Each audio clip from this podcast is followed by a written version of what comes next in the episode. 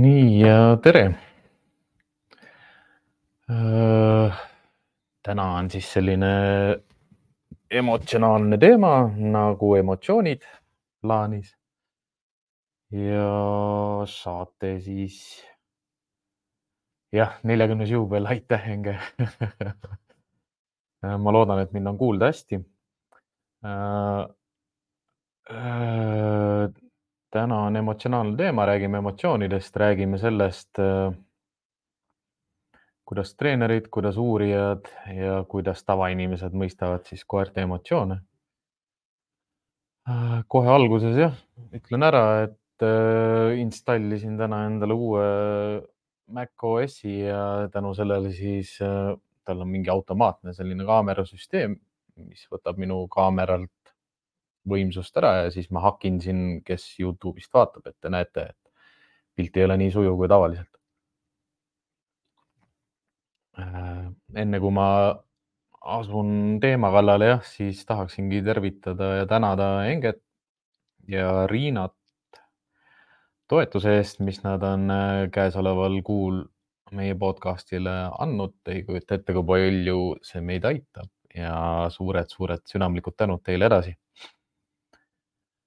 minu nimi on Siim Oja, olen Siim Oja nimelise kooli arendus- ja koolitusjuht. ja nagu öeldud sai juba, siis täna räägime emotsioonidest. Äh, emotsioonid äh, koertes ongi selline huvitav teema, mis on teadlasi, treenereid ja tavainimesi mingil määral nagu jah, eristanud ja kus see erinevus sisse tulebki, ongi see, et äh, tavainimene soovib koerale tihtipeale noh, külge mõelda selliseid äh, inimlikke emotsioone ja panna neid ka nagu väga sügavuti ja laiahaardeliselt nagu koertele külge.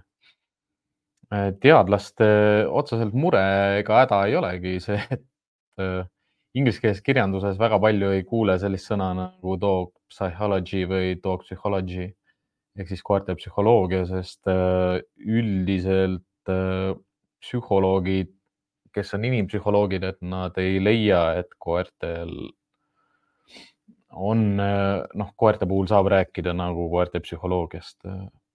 mina treenerina ja koolitajana leian küll, et koerte emotsioonidest saab rääkida mis on veel oluline mõista, et, et emotsioonid ja tunded on üsna sellised äh, metafoorid või siis paralleelsed mõisted või terminid, mida, mida ka kasutatakse.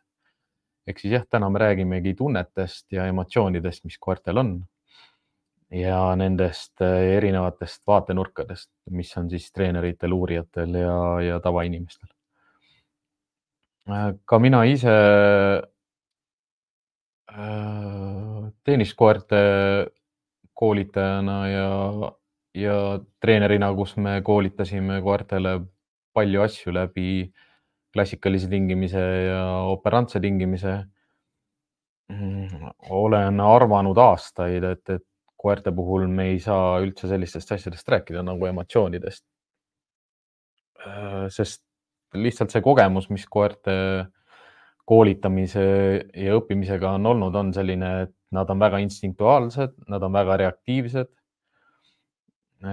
paljud asjad, mida nad teevad, sa saad ära seletada nende käitumist või käitumismustreid lihtsalt selle pealt, et, et sa mõtled selliste instinktide peale nagu saageinstinkt, kaitseinstinkt, jahiinstinkt, tapmisinstinkt, paaritumisinstinkt. kuna nad on loomad ja me vaatame neid sellise instinktuaalsete ja looma, noh, loom on loom, nagu kiputakse ütlema ja koer on koer, siis äh, ei saagi salata seda, et, et enamus koera käitumisest ja mõttemaailmast on võimalik ära seletada ka ilma emotsioonideta. aga noh, jällegi aus olles, siis ega ma arvan, kuskil kaks nädalat tagasi ma olin veel üsna seda meelt, et äh, emotsioone kui sõnu mina kunagi koduvisiitidel ja konsultatsioonidel kasutanud ei ole. ma räägin koerte puhul äärmisel juhul tunnetest, isegi noh, seda saab ju rääkida, et mida koer tunneb, et kas koer tunneb valu, kas koer tunneb noh, eraldumisest mingit ärevust, kas koer tunneb mm, noh, leina, kas koer tunneb mingit ängistust või mingit viha. noh, et kas, kas agressiooni saab koerte puhul seletada nagu tundena või pigem selline instinkti ja reaktsiooni baasil olemuslikult oleva käitumismustrina nagu jah. aga millega ma järjest rohkem nõus olen, on see, et koertel on emotsioonid ehk siis tunded või tunded ehk siis emotsioonid. aga koerte emotsioonid ei ole nii sügavad, laiali valguvad, subjektiivsed või subjektiivsel kogemusel põhinevad nagu inimestel. me ei saa vaadata neid indi, nii individuaalselt, et koerte emotsioone saab äh, ühtemoodi ja sarnaselt jälgida kõikide koerte, erinevate tõugude, erinevate kasvude, erinevate välimusega koerte puhul. saab neid emotsioone kitsendada, mitte nii laialt vaadata ja sel seletada ära ka rohkem nagu looma perspektiivist või sellisest koeralikust käitumisest. Või looma, loomalikust käitumisest, ma ei tea, kas üldse on eestikeelne sõna. Aga noh, lisaks sellele, et, et rääkida emotsioonidest ja tunnetest, siis äh, mida, mida ma koerte puhul nagu pean ka veel oluliseks nagu aru saada, on see, et kui me räägime teadvalolekust või teadvusest või siis isiksusest või isikuomadustest. noh, need on ka sellised sõnad mida mina vaatan äh, natukene teise pilguga. ehk siis noh, inglise keeles on olemas äh, koerte teadvaloleku seletamiseks selline sõna nagu sentient. Äh, üldiselt ka siis kõik koera, koera, noh, loomainimesed, loomakaitsjad, looma, loomade õiguste eest seisvad inimesed seletavadki seda sellega, et jah, okei okay,, et no loomad sinu arust ei ole võib-olla teadvusel, aga nad on sentient. Äh, sentient äh, mõiste ei ole eesti keelde ära tõlgitud, kui on, siis lisage see kindlasti video alla teav, teabesse või siis kommentaaridesse, sest mina ei ole veel teadlik, et sentient oleks ära tõlgitud. Ja noh, tihtipeale, kui ma seletan ka inimestele seda, et milline on koerte emotsioon, tundlikkus või tundemaailm või, või reaktsioonimaailm, siis ma kasutan alati seda ingliskeelset sõna ehk siis sentient. Ja miks eristatakse conscious või sentient, ongi sellepärast, et äh, koerad ei ole nii eneseteadlikud kui inimesed, nad ei ole subjektiivselt nii teadlikud ja nende eneseteadvus ei põhine subjektiivsetel kogemustel, noh isi, isi, isiklikel kogemustel mm koerad minu jaoks ongi rohkem selgitatavad nagu temperamendi poolest. ja sõna temperament ma kasutan palju. Sest igal koeral on oma temperament, noh, nad on, nad noh, ma ei ütle, ma ei ütle kunagi, et äh, koera isik, koer on isik koera isikuomadused on sellised või koera isik on selline. Saame rääkida nagu, et ma kirjeldaksin tema isikuomadusi selliselt. Või noh, ma kirjeldan tema isikuomadusi selliselt, mitte, mitte et ma kirjeldan tema isikut selliselt. ja noh, seda on inimestel lihtsam aru saada ka, kui me kirjeldame justkui koera, kirjeldame koera isikuomadusi, mitte ei nimeta koera isikuomadusi tema isiklikeks omadusteks läheb juba jutt üsna niisuguseks segaseks ja, ja korduvaks jah, aga äh, koera emotsioonid või tunded ongi palju lihtsamad kui inimestel, lihtsamakoelised, me ei saa öelda, et neid, neil ei ole.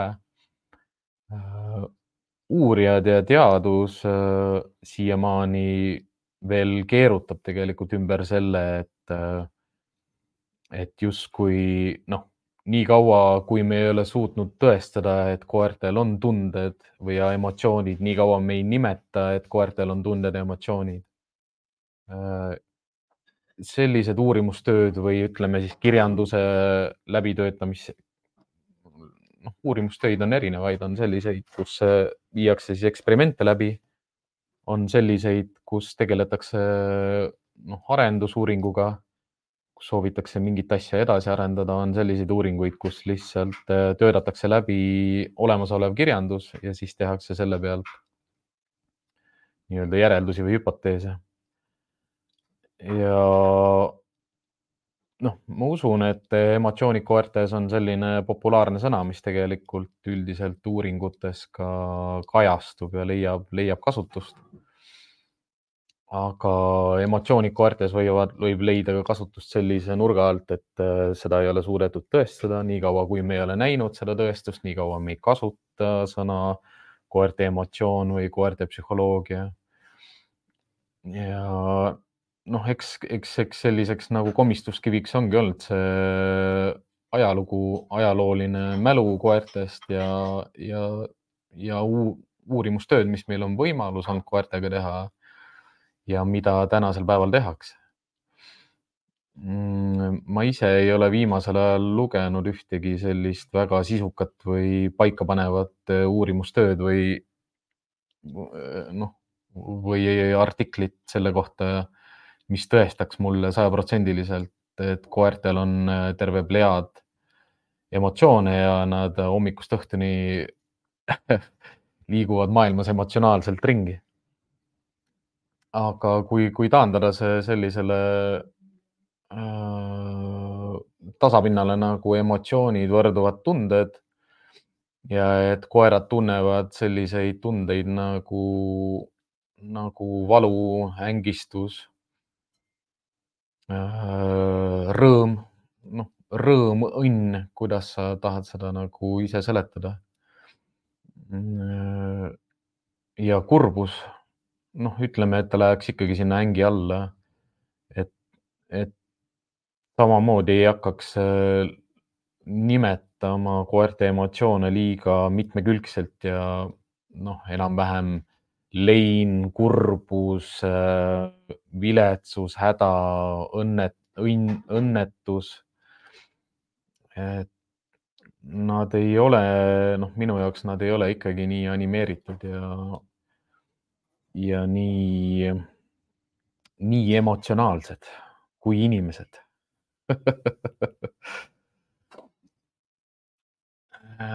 aga noh, me ei saa inimestena seda kuidagi muud mõtestada või kuidagi muud moodi enda jaoks nagu lihtsalt ära seletada. et koera erutust äh, ja kehakeelt siis, kus ta liputab saba, nimetame me õnneks ja rõõmuks. koera sellist agressiooni me nimetame vihaks või noh, tegelikult on seal tihtipeale aluspõhjuseks hoopis hirm ja agressioon on hirmu reaktsioon. ja noh, olen kuulnud ka ja kuulen tihti ka seda, et mu koer on kade, mu koer on armukade, mu koer on õnnetu, mu koer on kurb.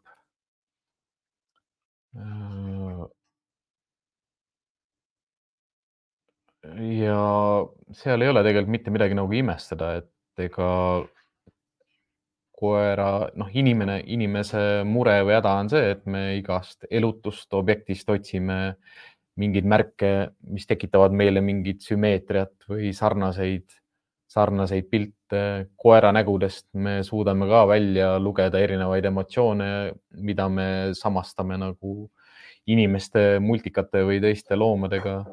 ja me otsime kogu aeg, noh, aju, aju, inimese aju ei pea olema teadlikult tegutseb, et, et leida teiste loomade, inimeste ja kivide ja pilvede ja kuu pinnalt nagu inimnägu, inimolemusi, erinevaid loomi, erinevaid asju, erinevaid objekte panna elututele asjadele külge. ja noh, see kandub koertele palju üle. ja noh, ma leian, koertele teeb see mingil määral liiga ja see teeb ka inimestele mingil määral liiga. noh, ühest küljest, kui inimene usub, et koer on väga emotsionaalne loom ja teisest küljest, kui koera vaadatakse kui emotsionaalset looma.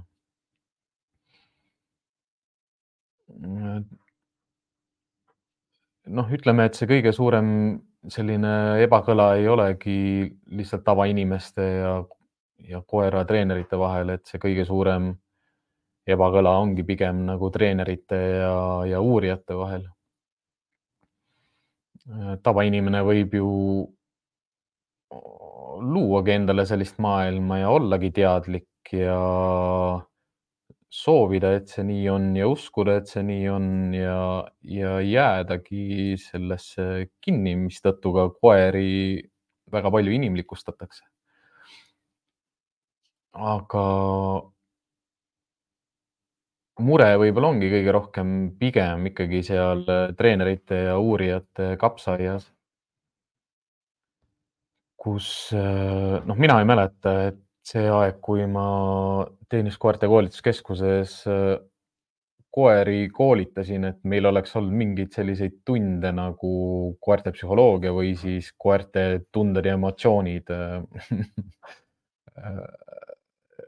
ma ei tea, põgeneva inimese otsimise kontekstis. seal ei olnud nagu mitte mingit niisugust halli mustrit ega, ega kübekestki uskumust või teadmust või, või arusaamist või, või üldse nagu nägemust selles, et äh, koertel on emotsioonid või et nad on emotsionaalsed. mille, mille peale ma selle nagu palju paneksin, ongi, ongi just see teadustöö, mis on tehtud seoses nii klassikalise kui operantse tingimisega, nende arendust, arendustega ja aretustega kus on äh, koertele suudetud õpetada erinevaid asju. ajalooliselt on äh, usutud noh ka, et, et osad koerad on targemad kui, kui teised koerad ja noh, osad koerad ongi targemad, aga mida ma koduvisiitidel tihti räägin, ongi see, et, et äh, noh, sul on nii tark koer ja see ei ole otseselt nagu kasuks tulnud, sellepärast et ta õpib ka lollusi hästi kiiresti. ehk siis noh, tark koer võib olla kasuks, eriti kui ta on teenistuses või võistlustel. sa saad talle õpetada erinevaid käitumismustreid, just nimelt nagu õpetada teda ennast animeerima ja käituma ebaloomalikult, ebaloomulikult, mida noh, me ise vaatlemegi selliselt, et noh, mis mõttes ta redelist ei suuda üles ronida, noh, ta ei tea elu sees, mis redel on, aga varem või hiljem palju-palju harjutada, palju-palju korrata, küll ta hakkab redeleid, noh, redelist üles ronima, pikali olevast redeli peal käima, mööda nööri käima, kahe käpaga, noh, nööride peal käima. ja, ja mida veel, aga noh, tihtipeale kõik need õpetatud käitumised on seotud siis äh, motivatsioonisüsteemiga, millega me motiveerime koera mingeid asju tegema, mingeid asju kordama, me saame neid käitumisi kinnistada, neid premeerida. ja tänu sellele me suudame neid panna tegema asju, mida ta ise naturaalselt või loomulikult ei teeks.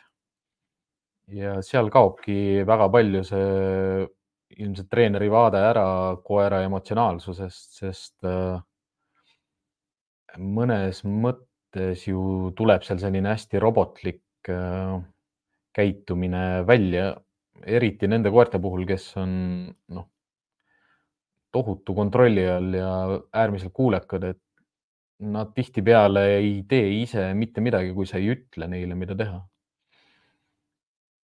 ja noh, samamoodi tead kogu aeg, et äh, koer ei planeeri nagu oma päeva, koer ei tea kellaaega, koera ei huvita, mis nädalapäev on, noh, mitte ei huvita, vaid tema maailmas ei ole selliseid asju nagu nädalapäevad. ja noh, ma ei, ma ei ütleks, et see mind üldse nagu kurvaks teeb või kuidagi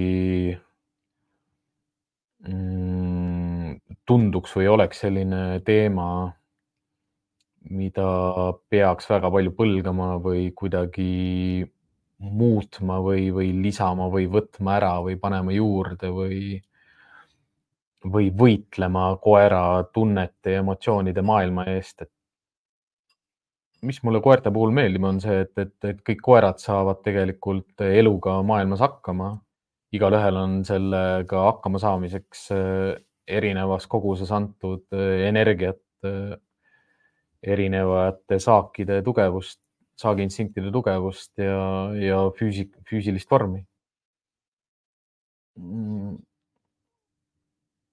nüüd eriti viimasel ajal nii palju pidanud kordama seda, et, et ei ole loll, olemas lolli koera. ja ei ole ka näinud ühtegi lolli koera, noh, isegi, isegi, isegi mõne koera puhul, äh, keda, keda, kelle käitumismustreid, valikuid keskkonnas ja suhtlust teiste sotsiaalsete loomadega kõrvalt vaadates võiks nimetada täiesti lolliks, selle, aga ta ei ole loll mitte sellepärast, et ta on rumal, vaid see lollus tulebki rohkem nendest valikutest, mida ta teeb ja kuidas ta käitub. aga jällegi ei saa koerale külge panna seda, et ta on loll või rumal, sest me ei tea, mis, mis ta selliseks kujundas, kujundas, milline elukeskkond tal oli, miks ta nii käitub, miks ta nii teeb, kes ta vanemad olid, mis ta üldse see geneetika varasem on olnud nagu pere, perepuus või selles nii-öelda sugupuus.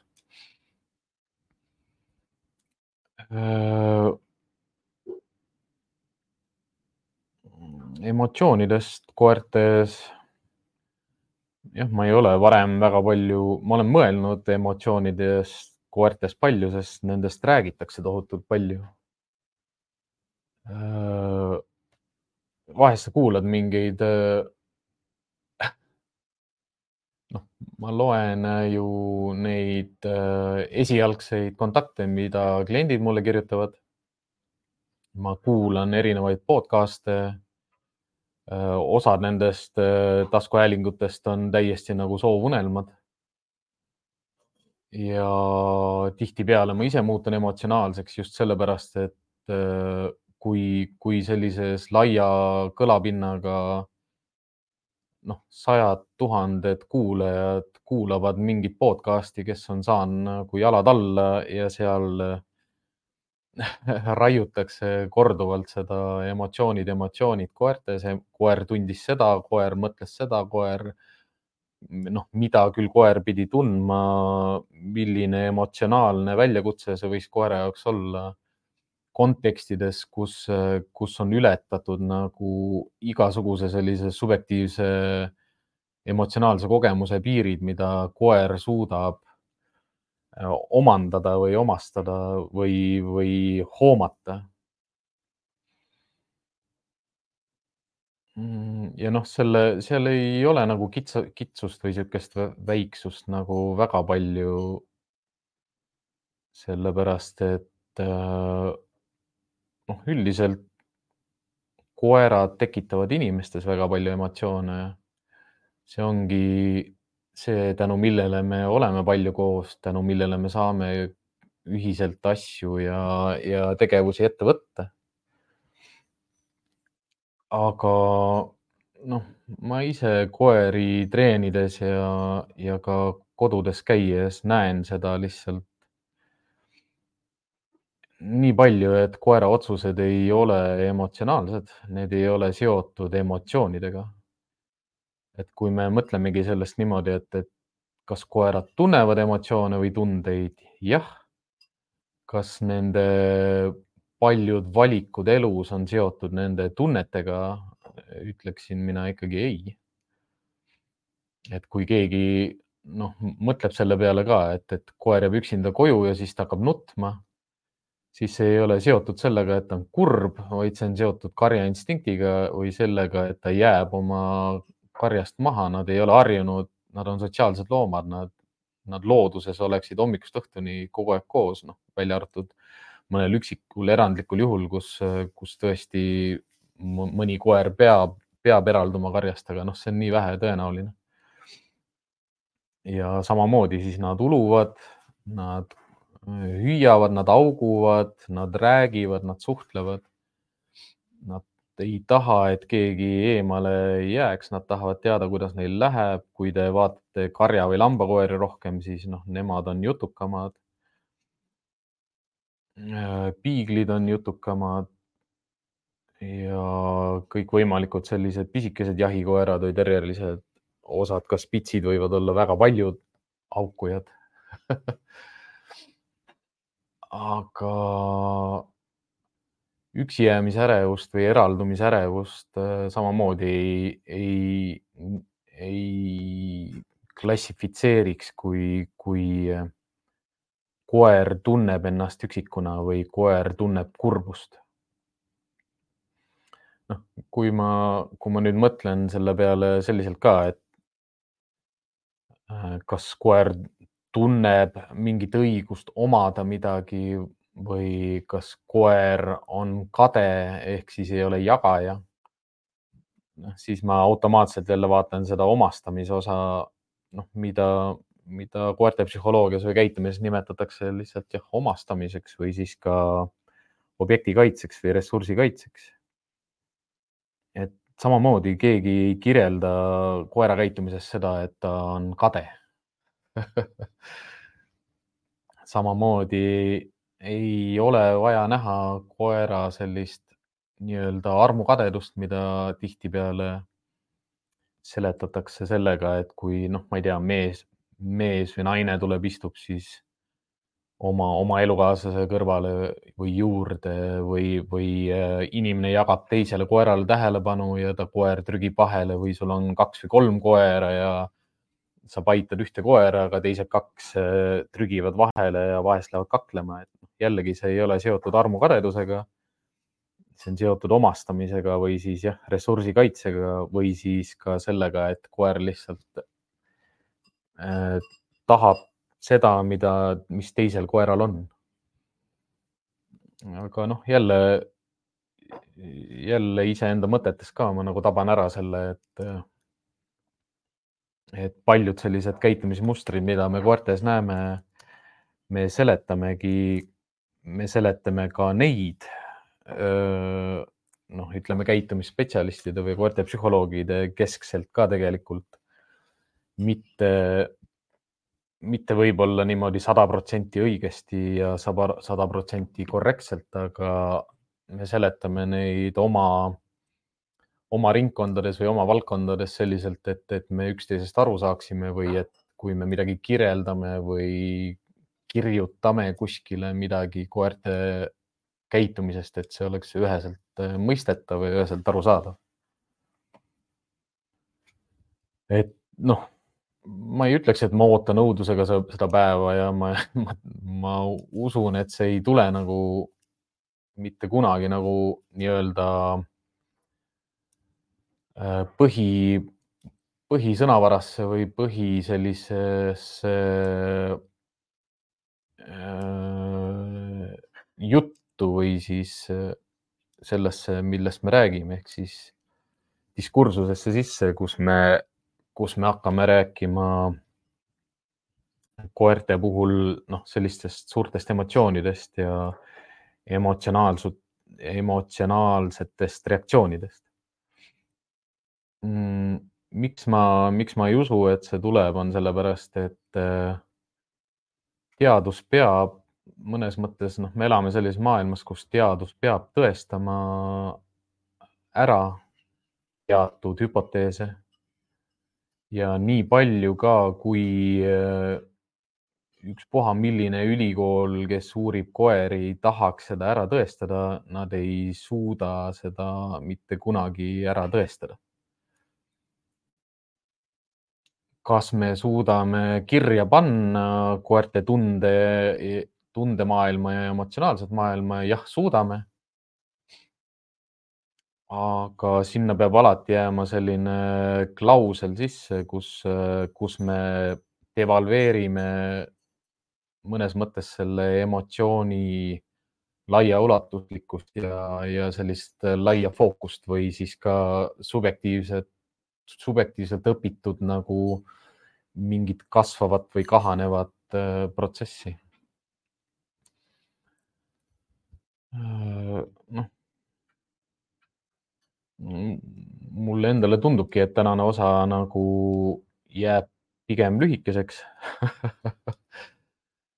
Äh, olenemata sellest, et äh, tegemist on emotsionaalse teemaga. Aga see on äh, midagi sellist, mida, mida ma olen tahtnud pikemat aega käsitleda, mida ma tahaks nii enda jaoks sõnadesse panna kui ka vaatajate ja kuulajate jaoks sõnadesse panna. kus ma ühtepidi nagu palun inimestel olla koera emotsioone või tundeid jälgides mitte nii,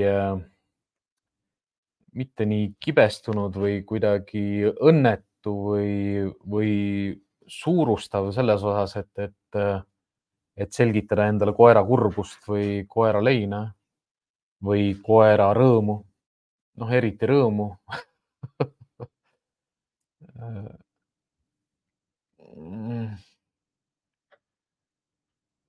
Mm. Äh, koer, noh jah, hea küsimus, Enge, et, et kas äh, uudishimu koertes liigub emotsiooniks või instinktiks?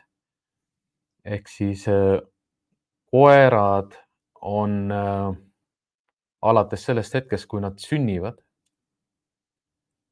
ja kuskil kahekümne esimesel elupäeval, kui lõpuks nende silmad avanevad või noh, kõrva, noh, ütleme jah, kuulmine, kuulmine lõpuks viimasena avaneb. Äh, on äh, selle looma eesmärk maailmas olla tähelepanelik ja huvitatud nendest lõhnadest, nendest visuaalsetest märkidest ja nendest helidest, mida ta kuuleb just selleks, et ellu jääda ja kõik loomad, kõik elusolendid tahavad elus olla ja elus püsida.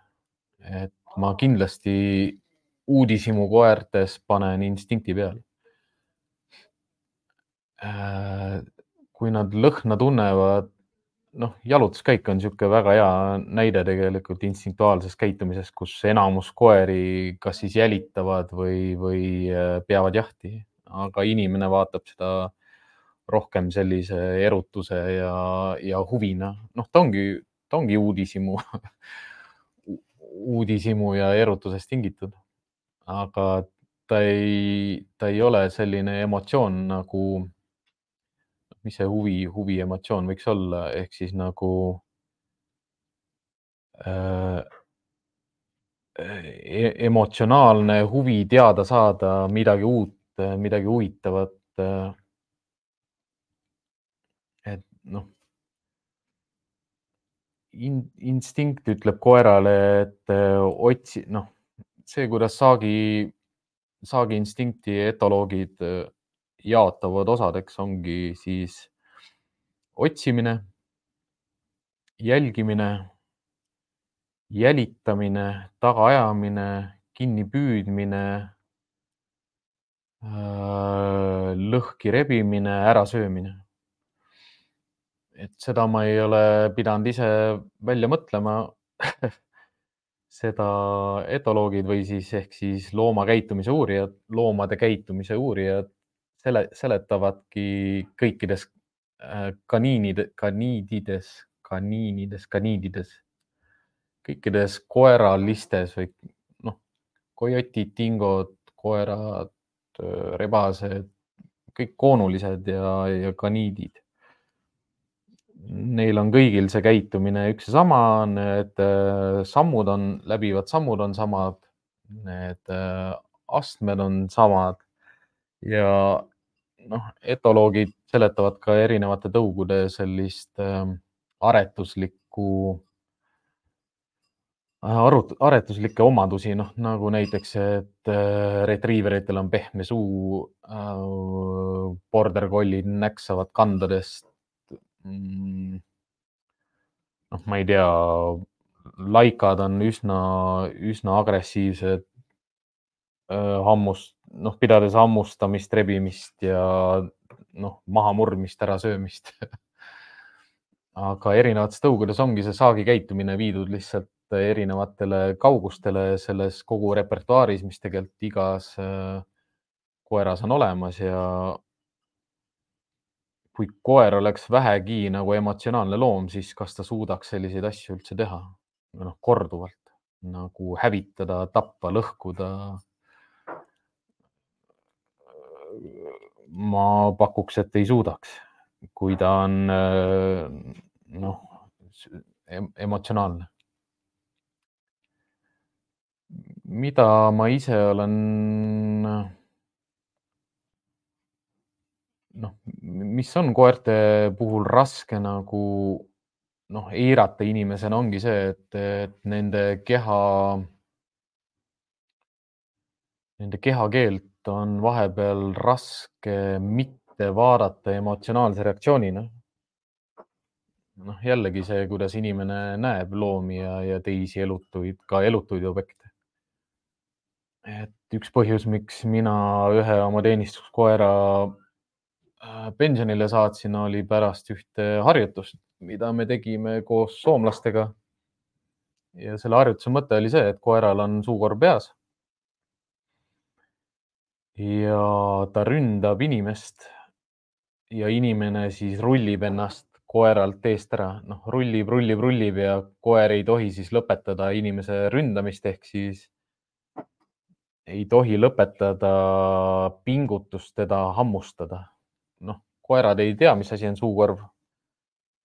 Nad saavad teada, mis asi on suukorv, nad õpivad suukorvis käitumise, noh, erinevaid käitumismustreid osad koerad eh, pikapeale võib-olla isegi ei tee enam suud lahti, osad teevad väga palju suud lahti, osad auguvad, sest nad, eh, nad lähevad kaitses, kaitsest saaki, saagist kaitsesse, kaitsest saaki ja saaki minnes nad hakkavad haukuma, kaitses, kaitseinstinktis koer ei haugu. ja kuna seal on, noh, ma mäletan seda harjutust nii hästi, et noh, rihm oli ka küljes ja ja mina olin lähedal, ümberringi oli veel inimesi, inimene rullis, mu koer töötas hästi, noh.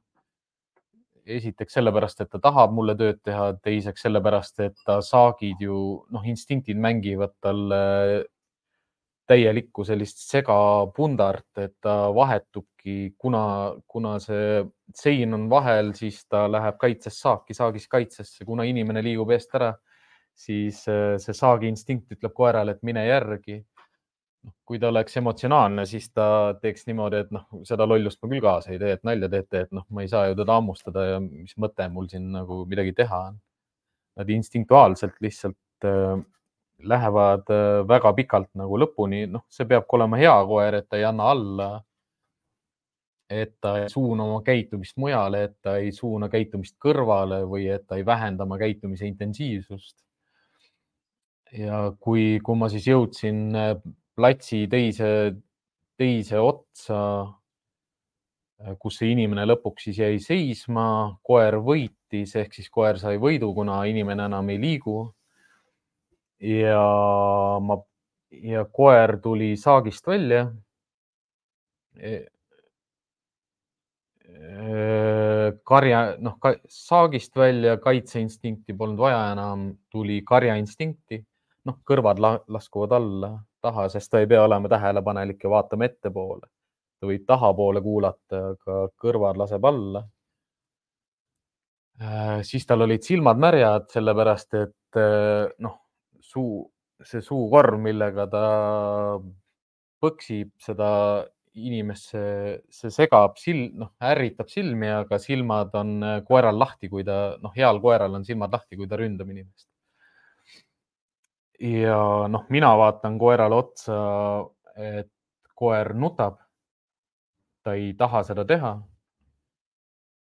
aga samal ajal tegelikult oma koera, noh, oma koera sellist temperamenti teades, noh, siin ma räägingi rohkem sellest, mitte et mida mu koer nagu emotsionaalselt tunneb, vaid temperamendi poolest, milline mu koer on. Äh, see aitas mul palju rohkem nagu konteksti panna seda, et äh, noh, olenemata, et ma tean, et ta ei nuta, ma saan ikkagi ta kehakeelest aru, et ta teeb midagi, mis talle ei meeldi seda sa ei seleta emotsioonina, vaid seda seletad sellena, et ta ei tee midagi, mis talle ei, ta tegi just praegu midagi, mis talle tegelikult teha ei meeldi. noh, on koeri, kellele ei meeldi olla rahvarohketes kohtades, ei meeldi vihmaga õues käia, ei meeldi lapsed või ma ei tea, noh, see on rohkem niisugune sotsialiseerumise küsimus, aga noh, see ongi see jälle, et kui palju talle lapsed meeldivad või kui vähe talle lapsed meeldivad ja see ei ole jälle seotud emotsiooniga, vaid see ongi seotud rohkem jälle geneetikaga, kasvuga, sotsialiseerumisega, kellega ta üles kasvas. kas, kui ta silmad lahti teeb ja ta näeb väikseid lapsi, et kas talle siis tulevikus lapsed meeldivad? loomulikult. kui ta, kui ta esimese poole eluaasta jooksul väikest last ei ole näinud, siis ta peab, siis on viiskümmend, viiskümmend, kas talle tulevikus meeldivad lapsed või mitte. aga mu teenistuskoeraga läks niimoodi jah, et see oli minu jaoks nagu viimane piisk karikasse. Äh, noh, sinna karikasse tilkus tegelikult neid äh, tõestusmaterjale veel selle kohta, et ta ei sobi teenistuskoeraks. lihtsalt sellepärast, kui noh, milline temperament tal on, kui pehme ta on, kui, äh, kui väga talle lapsed meeldivad, kui õrn, noh, mõnes mõttes nagu õrn ta on, noh, ta hammustab kõvasti, ta teeb seda hästi ta töötab korralikult, aga need kõik on ju lihtsalt sellepärast, et ta on Belgia lambakoer. et tal on selline füüsiline võimekus, et tal on selline energiatase. ja kindlasti mitte, ma ei saatnud teda pensionile sellepärast, et ta on liiga emotsionaalne, et noh, ma ei saa temaga tööd teha, et ta on liiga emotsionaalne. ja aga noh, mul on see nii äred, eredalt meeles, et, et mul endal käis ka peast nagu see klõks läbi, et, et noh, mu koer nutab, et noh, et ma ei tee seda enam mitte kunagi, sest mu koer hakkab nutma, kui, kui ta selliseid asju teeb, aga pigem oligi see sellepärast, et äh, ma teadsin, kui väga talle ei meeldi seda teha. noh, ja ma ei pannud teda rohkem sellistesse olukordadesse, ma hoidsin teda eemale äh, sellistest väljakutsetest, mis talle ei meeldi aga mitte sellepärast, et ta, et ta hakkab nutma või saab kurvaks, kui ta seda peab tegema. noh, seal ongi rohkem see küsimus selles, et ka, kui väga talle see meeldib või kui väga talle see ei meeldi. ja emotsionaalselt, noh, rõõmsaks peetaksegi selliseid koeri, kes erutuvad kergemini erutus äh, erinevatel koertel lihtsalt tõuseb erineva kiirusega, väheneb erineva kiirusega, langeb erineva kiirusega, noh, siin on ju puhtalt tegemist jälle hormonaalse tasemega. ja neid õnne ja rõõmu hormoone ju noh, sa ei treeni ega koolita seda nagu koerast välja, et ära ole nii õnnelik. teine, teine rõõmu selline komponent on äh, siis see, kelleks koer on sündinud ehk siis jälle need kolm äh, taset, kas ta on juhtivkoer, keskmine koer või tagumine koer. Noh, keskmised ja tagumised koerad võivad üsna palju äh, sellist äh, erutust välja näidata just sellega, noh, kaks varianti, kas A, noh, keskmise koerana ta ongi lihtsalt kõigi sõber, isegi nagu kivide ja puude sõber, noh, vahet ei ole, kes see on, kas see on lehm, loom, lind, koer, teine inimene, auto, jalgratas, mis iganes, kõik asjad meeldivad ja kõik on sõbrad.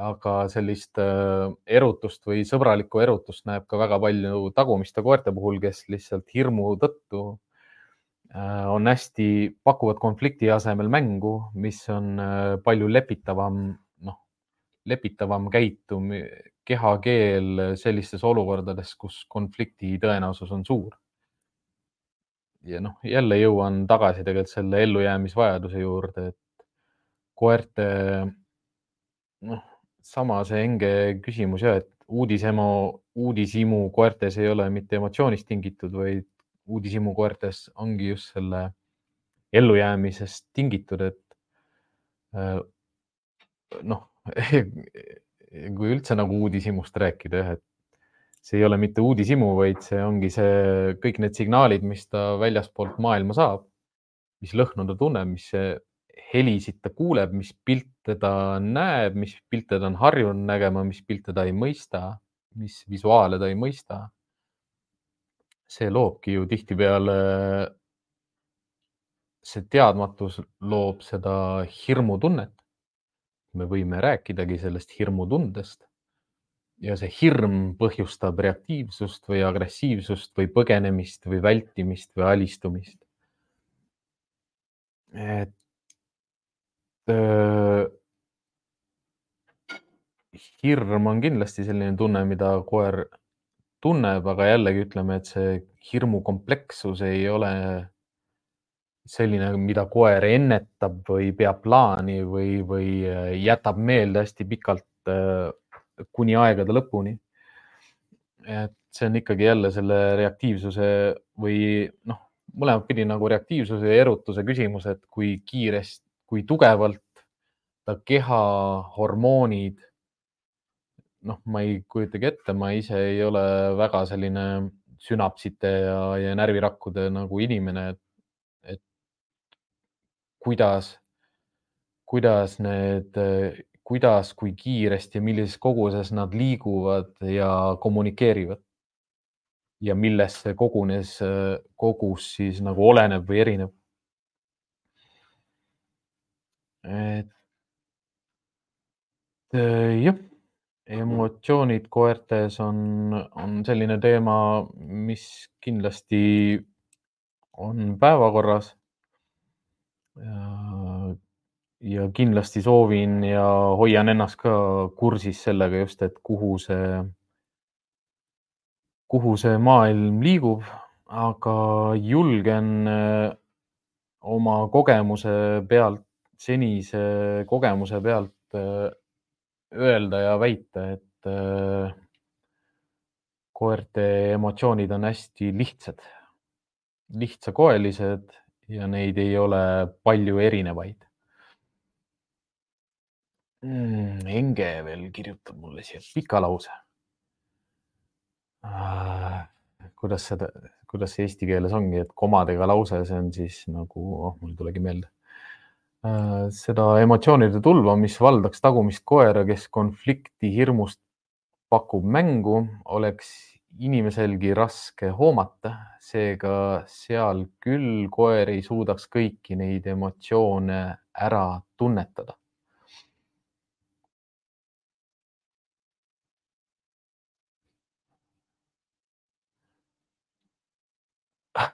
See on jah, päris, päris keeruline lause, ma proovin sellest, jah, no ütlemegi, et koer ei pea seda emotsioonide tulva nagu ära tunnetama. et see on üks kindel lüliti ja, ja olles koeri treeninud, ma tean, kui kiiresti nad suudavad instinkte vahetada justkui niimoodi, nagu mitte midagi ei oleks.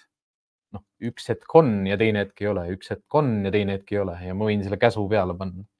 või noh, ma võin selle nii-öelda sõna või häälitsusega reguleerida seda mida ta teeb või mida ta ei tee, kuidas ta reageerib või kuidas ta ei reageeri.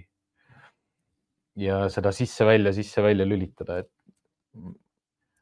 koerte selline instinkt, instinkti kontrollimise võime paraneb elu jooksul ja, ja, ja saab ka mm, edukalt nagu kas siis paremaks või halvemaks. aga see, see huvitav asi, mida ma siit praegu nagu äh,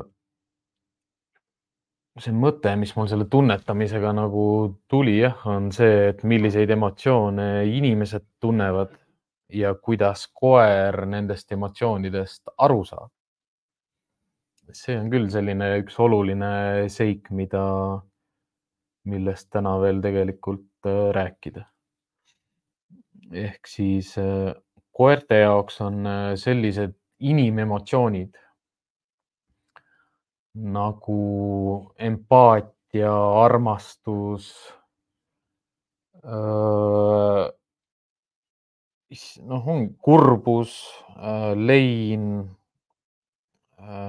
noh, mingi haigusest põhjustatud madalseis, ütleme niisugune depressioon, stress, väsimus ikkagi sellised emotsionaalsed olekud nagu koera jaoks on see kõik nõrk energia. ehk siis koer äh, tunnetabki ja saab aru sellest, kui inim, inimene või teine loom on haige ja haiguse märgid või siis sellise põduruse märgid ongi ju stress, depressioon, äh, kurbus äh, igatsus, äng, ängistus ja ka armastus, sest noh, ütleme selline emotsionaalne mm, noh, eks igaüks kirjeldab armastust nagu omamoodi, aga armastus ongi selline hellus, õrnus Äh, kaastun-, noh, mitte kaastunne, vaid noh, ütleme jah, selline empaatilisus. et koerad, koerad äh, tunnetavad seda emotsioon, neid emotsioone ja sellist emotsionaalsust inimeses pigem nõrkusena või pigem nõrga energiana. sest äh, looduses see tähistaks nagu sellist koera, kel või looma kas A, kelle üle saab domineerida ilma suurema raskuseta ehk siis lihtsalt olemasolemise pilgu või äh, kergema kehakeelega. või siis noh, olukordades ka, kus kortisol või siis ütleme, hädatase või, või keha stress või depressioon on hästi suured, noh, ütleme, kui inimesed on haiged, voodihaiged või noh, pikalt, pikalt haiged, siis nende inimeste üle äh, ka koerad kipuvad äh, kas A domineerima ja juhtima neid inimesi või siis B neid väga tugevalt äh, kaitsma. ehk siis koerad kaitsevad ka väga hästi nõrka energiat. ja noh, siit tulebki see noh, üks selline joon joonistub välja või selline tihti esinev, tihti koerte käitumises ja tihti ka koerte probleemkäitumises esinev selline käitumise muster, mis on siis äh, äh, seletatav sellega, et koera reaktiivsus ja agressioon, mis siis peegeldub äh, väljapoole välismaailma rihmas olles, aktiivsus ongi seotud sellega, et lihtsalt inimene on liiga emotsionaalne just nendes valdkondades, mis on armastus, ellus, empaatia, kurbus, stress, depressioon, nõrkus, noh, haigus, haigusest tingitud nõrkus või. ja noh, Triinu, Triinult selline huvitav tähelepanek jah, et kui, kui Triin on nutnud, et siis koer läheb voodi alla või diivani taha peitu, noh, see ongi see on, see on üks põhjus selles, kus koer ei saa aru emotsioonidest. Või siis ka sellistest ülevoolavatest emotsioonidest, mis inim, inimestel on. Nad proovivad nagu sellele mingit sellist äh, naturaalset ja looduslikku tähendust külge panna, aga kuna, kuna teised koerad ei nuta, noh, sõna otseses mõttes ei nuta Nad uluvad ja hädaldavad ja, ja, ja, ja seda tõlgendatakse nutmisena. aga nad ei nuta emotsionaalselt nagu inimesed. Ja see hääl on võõras, see käitumine on võõras, see, see liikumine, see kehakeel ja need, see lõhnad, lõhnad, mis siis nii-öelda inimese hormonaalse tasemena koera ninna jõuavad, on, on ähvardavad ja ohtlikud, sest noh, me ise seda ei tunne, aga kui, kui ma ikkagi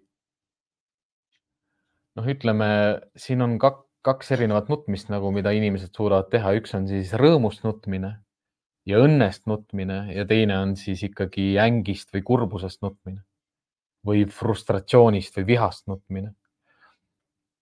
ja ütleme sellest rõõmust, nutmisest koerad saavad selles osas aru, et, et, et nad saavad aru, et me oleme rõõmsad või sellises hingelises seisundis, mis, mis ei ole ohtlik. Aga kui ikkagi kortisoli tase tõuseb väl-, noh, väljuvas lõhnas, inimesest väljuvas lõhnas ja see äng ja kurbus tuleb peale, siis see on ikkagi koera jaoks ohtlik ja sellest hoiab eemale. noh, mul endal ongi üks selline oma koerte käitumine jäänud nii hästi meelde, kus ma just võtsin oma noorema koera Aedikust, läksin vanema koera juurde, noh, nad olid erinevate kohtade peal. Ja askeldasin seal, lasin just koerad välja, nad on rõõmsad, nad tantsivad, nad äh, suhtlevad üksteisega, noh, ikkagi see erutus on kõrge, sest mina just tulin, koerad just said kokku ja ma midagi äh, tõstan treileri selle kaane üles, et mänguasju hakata sättima seal, noh, mõelda selle peale, et äh, milliseid mänguasju mul vaja läheb, sest mul oli kindel plaan harjutada seda kontrolli lõhkumist noorema koeraga. Äh, noh, mis automaatselt ju kajastuski selles, et kui ma olen treileri juures, hakkan, katsun või liigutan mänguasju, siis mõlemad koerad istuvad minu kõrval ja vaatavad, mida mu keha teeb. ja ma sain kõne oma ühelt otseselt juhilt. Noh, koerad olid endiselt erutunult, ootasid minu juures ja ma rääkisin, suhtlesin temaga telefoni teel ja mitte otseselt Äh, mitte see juht ei vihastanud mind oma käitumisega, vaid juht andis mulle teada millegist, äh, mis mind vihastas. ja ma ei karjunud, ma ei turtsatanud, ma ei isegi ei liigutanud mitte. ja mõlemad koerad jooksid minust eemale, noh, põgenesid minu juurest, ma ei, ma ei ole seda kunagi, ma siis ei olnud seda veel kunagi kogenud, et et äh, koe-, minu enda koerad, keda ma koolitan, kellega ma mängin, kellega ma olen sõbralik, põgenevad minu juurest sellise kehakeelega, kus nad väldivad karistust. noh, sa näed, nagu nad, neil on kaks teenistuskoera, kolmekümne viie kilosed Belgia lambakoerad, kes hammustavad nagu lõhk, luulõhki, kui vaja, põgenevad minu eest, kuigi ma ei ole isegi turtsatanud, liigutanud ega rääkinud, aga ma sain lihtsalt pahaseks selle peale, mida, mida ma teada sain. Ja, ja mõlemad teenistuskoerad põgenevad saba jalge vahelt minust eemale. et noh, võite, võite mõelda selle peale jah, et, et mida koerad tunnevad. just ka nagu lõhnana ja, ja see energia, mida nad tunnevad, see, mida nad, kuidas nad loodust tõlgendavad ja veatult tõlgendavad. et noh, sellepärast öeldaksegi, et lolli koera pole olemas. ja koerad ei oska valetada. ja need on nagu nii ehedad. noh, ütleme, et kui koer tahaks valetada või peaks valetama tahta, siis ta peaks olema üsna emotsionaalne. aga kuna nad ei oska valetada ja nad ei nad ei saa valetada loomana või noh, selle loomana, kes nad on, siis nad ongi asendamatud lihtsalt kaaslased inimese jaoks selles maailmas, noh, kus me elame. Eriti praegusel ajal, mis on nii hektiline ja, ja koer tihtipeale aitab nagu maa peale tagasi tulla, kus, kus see, kus see kasu või see see kooselu või koos eksisteerimine lähebki ju suuresti suure hurraaga laiali, ongi ju siis, kui me muutume liiga, liialt kinniseks, liialt depressiivseks, lii-, noh, tänu sellele haigemaks, tänu sellele liikumatumaks. see ei mõju ka koertele hästi, noh, rusikareegel koerte koolitamises, et kui sa tunned ennast halvasti, siis ära tee trenni et noh, ma võin olla niisugune kahekümne nelja kuni kahekümne seitsme aastane noor mees parimas füüsilises vormis. aga kui mu tervis on ära või mu enesetunne või mu vaimne tervis on nii ära, et äh, see mõjub, noh, ma tean, et see mõjutab minu treeningu tulemust. siis ma hoian oma koertest eemale, ma ei tee või siis ma ei tee nendega sellist treeningut, kus ma tahan, et nad õpiksid midagi. noh, võib-olla ma lähen lihtsalt jalutama, noh, kõik, ma ei esita neile väljakutseid, ma ei taha, et nad, nad, nad seostaksid minu enesetunde selle tegevusega. et seda teavad kõik professionaalsed koerte koolitajad, et, et sa ei taha iseendaga koos olemist ja sinuga koos tegevusi seostada mingi tundega, mida koerad tajuvad, mis sul on ja mida nad võivad külge hakata panema sinule või sinuga koos tegevustele. ja siin ei ole mitte midagi seotud nagu sinu emotsionaalsusega, et noh, mida ma ka inimestele ju räägin, et, et sa ei saa seda poker face'i nagu teha. et koer teab, kuidas sa tunned ennast. tee, mis nägu sa tahad. see, see ei muuda mitte midagi. noh, sa võid kasvõi Äh, rääkida kurjalt, aga see ei ole kuri, siis koer ei saa aru või noh, vastupidi. Äh, sa oled väga kuri, aga sa ei proovi nagu väga kuri välja näha, koer saab aru juba, et midagi on valesti. Ehk ongi see ennetamine ja, ja, ja ettenägelikkus nagu koertel, mis on olemas. aga noh, jällegi see ei ole kuidagi seotud emotsionaalsusega, vaid see on ikkagi seotud nende tundemaailmaga mis on siis nina, silmad, kõrvad. ja nina on neil nagu noh, super, super võimas, et noh, kui mõeldagi selle peale, et kui, kui inimene nagu vihastab ja, ja hormonaalne tase lihtsalt inimkehas muutub ja nad reageerivad sellele kohe.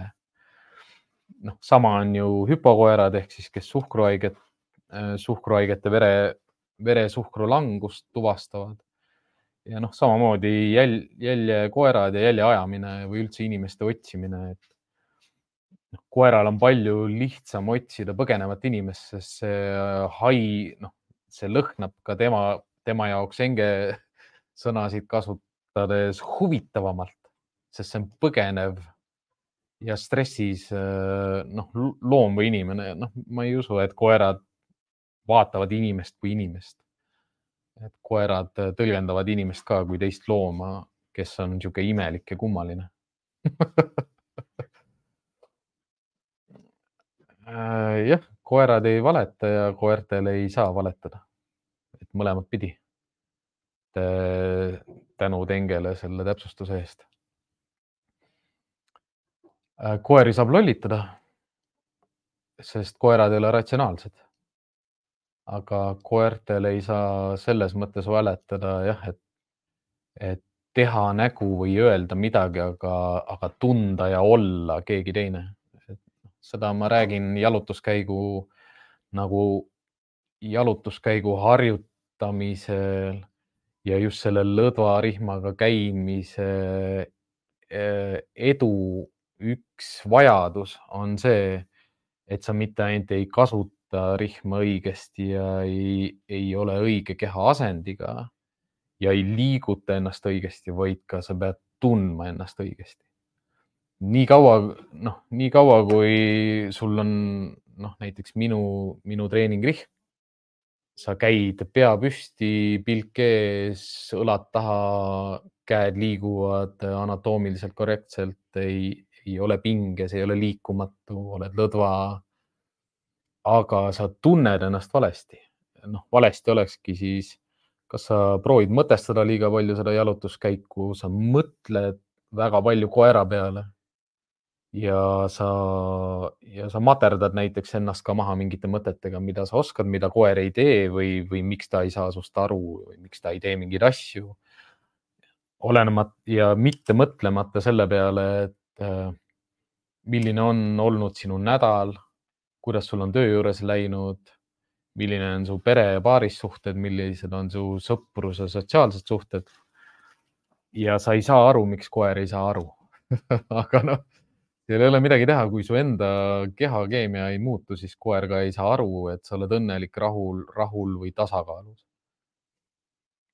et noh, ma ise ka praegu tunnen, et siit tuleb, tuleks nagu neid teemasid ja, ja asjaolusid ja ja, ja mõtteid nagu kindlasti veel ja veel ja veel, sest äh, emotsionaalsed loomad, nagu meie oleme ja, ja kui palju me aega oma koertega koos veedame, palju me võimalusi neile anname.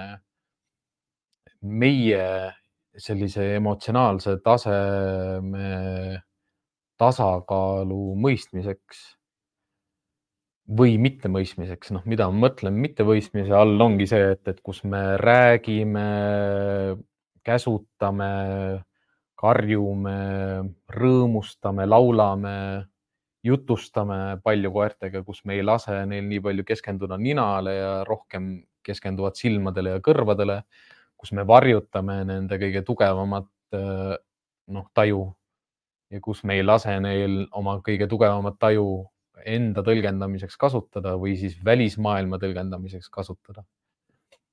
et noh, mis, mis on äh, raudpolt, on see, et kui koer on äh,, läheb saaki, siis nina läheb lukku.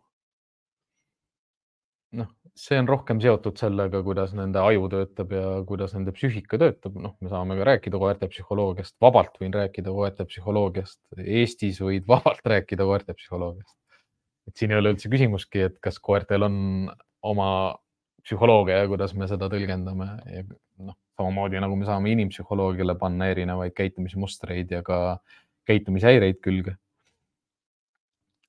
jah, käitumishäiretest rääkides, siis tegelikult ainukene selline tõendatud ja ka sümptomaatiline käitumishäire, mida tunnistatakse ka psühholoogide poolt, on jah, see väikse koera sündroom ehk siis small dog syndrome. seda kasutatakse kirjanduses ka. aga noh, see on, see on ju, see on ilmselge ja möödapääsmatu, et nad on, pisikesed koerad on armsad ja nad on väiksemad kui meie ja noh, see on ka see, mida ma eelmises, eelmises osas rääkisin. kolmekümne üheksandas osas oli just see, mis ma Kutsiga koolis nagu taipasin, kus, kus nad ju kõik on väiksed, meist väiksemad, aga nad ikka domineerivad meie üle, et, et noh, kus, kus see tõlkes kaduma läheb. Ja noh, tõlkes kaduma lähebki ta tihtipeale just selles inimemotsionaalsuses, mitte, mitte koerte emotsionaalsuses. aga jah, täna on äh, podcast juba üle tunni aja kestnud ja ma ikkagi hakkaks äh, otsi kokku tõmbama kell on palju ja perega ka vaja koos olla äkki näeb ka telekast midagi ägedat.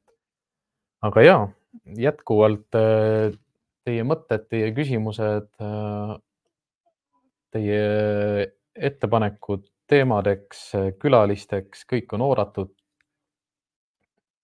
aitate meid tohutult sellega, kui te tellite meie kanali, kui te lisate video alla Äh, like'i või siis selle, vajutate sellele nupule. et see ei nõua palju, võtab vähe. ja veel kord tänu siis jah, toetajatele, kes äh, noh, endiselt hoiavad seda podcast'i elus. ja te ei kujuta ette, kui palju te, palju te aitate. teeb lausa emotsionaalseks.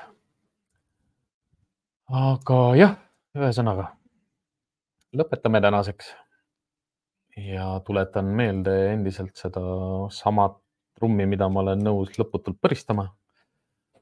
et teadmatus ei ole lollus. Olge tublid ja kohtumiseni järgmisel